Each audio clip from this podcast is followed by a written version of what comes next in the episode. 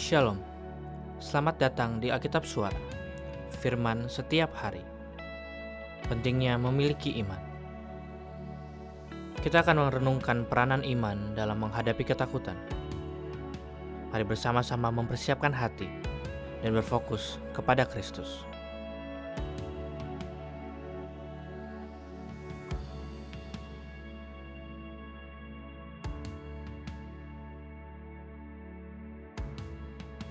Mari bersama-sama mendengarkan Matius pasalnya yang ke-17.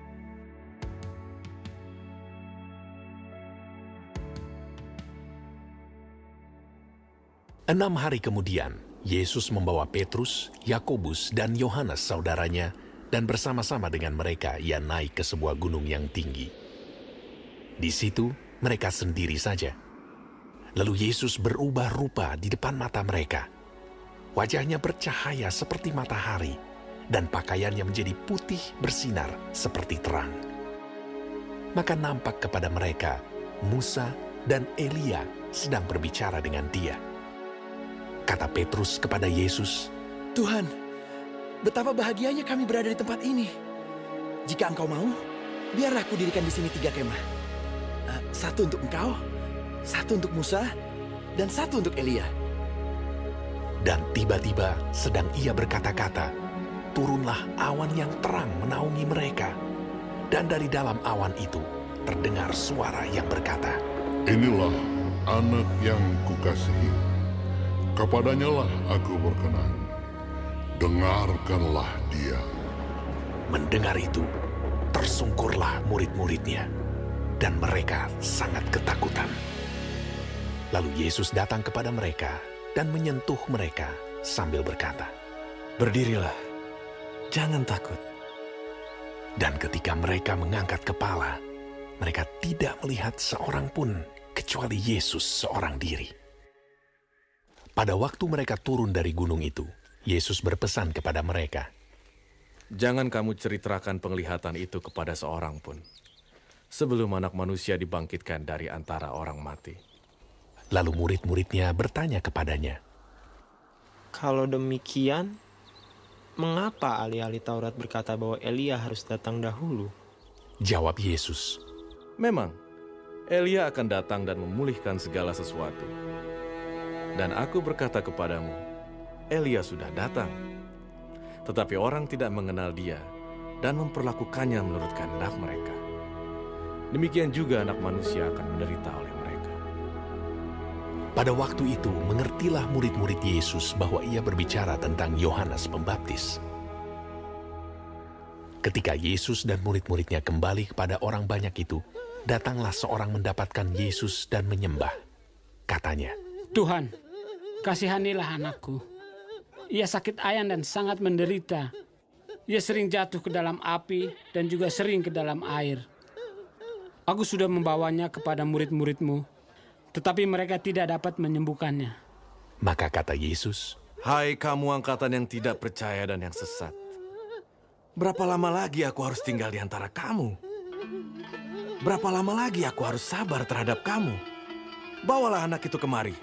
dengan keras Yesus menegur dia, lalu keluarlah setan itu daripadanya, dan anak itu pun sembuh seketika itu juga. Kemudian murid-murid Yesus datang, dan ketika mereka sendirian dengan dia, bertanyalah mereka. Mengapa kami tidak dapat mengusir setan itu? Ia berkata kepada mereka, karena kamu kurang percaya. Sebab aku berkata kepadamu, sesungguhnya sekiranya kamu mempunyai iman sebesar biji sesawi saja, kamu dapat berkata kepada gunung ini, pindah dari tempat ini ke sana, maka gunung ini akan pindah, dan takkan ada yang mustahil bagimu. Jenis ini tidak dapat diusir kecuali dengan berdoa dan berpuasa. Pada waktu Yesus dan murid-muridnya bersama-sama di Galilea, ia berkata kepada mereka, Anak manusia akan diserahkan ke dalam tangan manusia, dan mereka akan membunuh dia. Dan pada hari ketiga, ia akan dibangkitkan. maka hati murid-muridnya itu pun sedih sekali. Ketika Yesus dan murid-muridnya tiba di Kapernaum, datanglah pemungut bea bait Allah kepada Petrus dan berkata, Apakah gurumu tidak membayar bea dua dirham itu? Jawabnya, Memang membayar. dan ketika Petrus masuk rumah, Yesus mendahuluinya dengan pertanyaan. Apakah pendapatmu, Simon? Dari siapakah raja-raja dunia ini memungut bea dan pajak? Dari rakyatnya atau dari orang asing? Jawab Petrus, Dari orang asing. maka kata Yesus kepadanya, Jadi, bebaslah rakyatnya.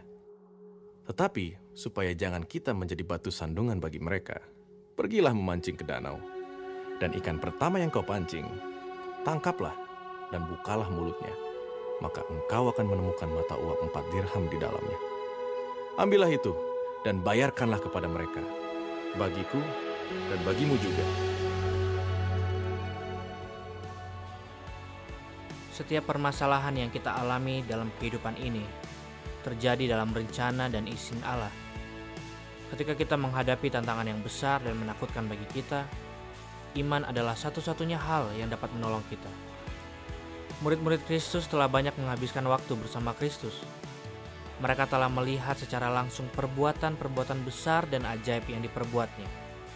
Mereka bahkan telah menerima mandat untuk melayani orang-orang yang ada di sekitar mereka dengan kuasa dari Kristus. Namun anehnya, murid-murid masih saja kurang percaya akan kuasa itu, hingga mereka tidak dapat mengusir setan yang mendiami seorang anak muda yang baru saja kita dengar.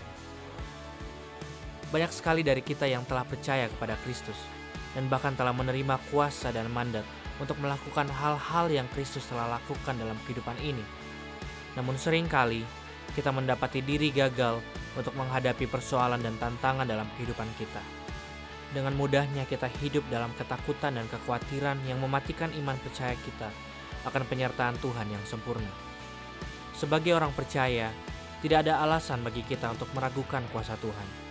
Iman percaya yang kita miliki di dalam Allah seharusnya memampukan kita untuk mengeliminasi setiap ketakutan dan kekhawatiran kita itu.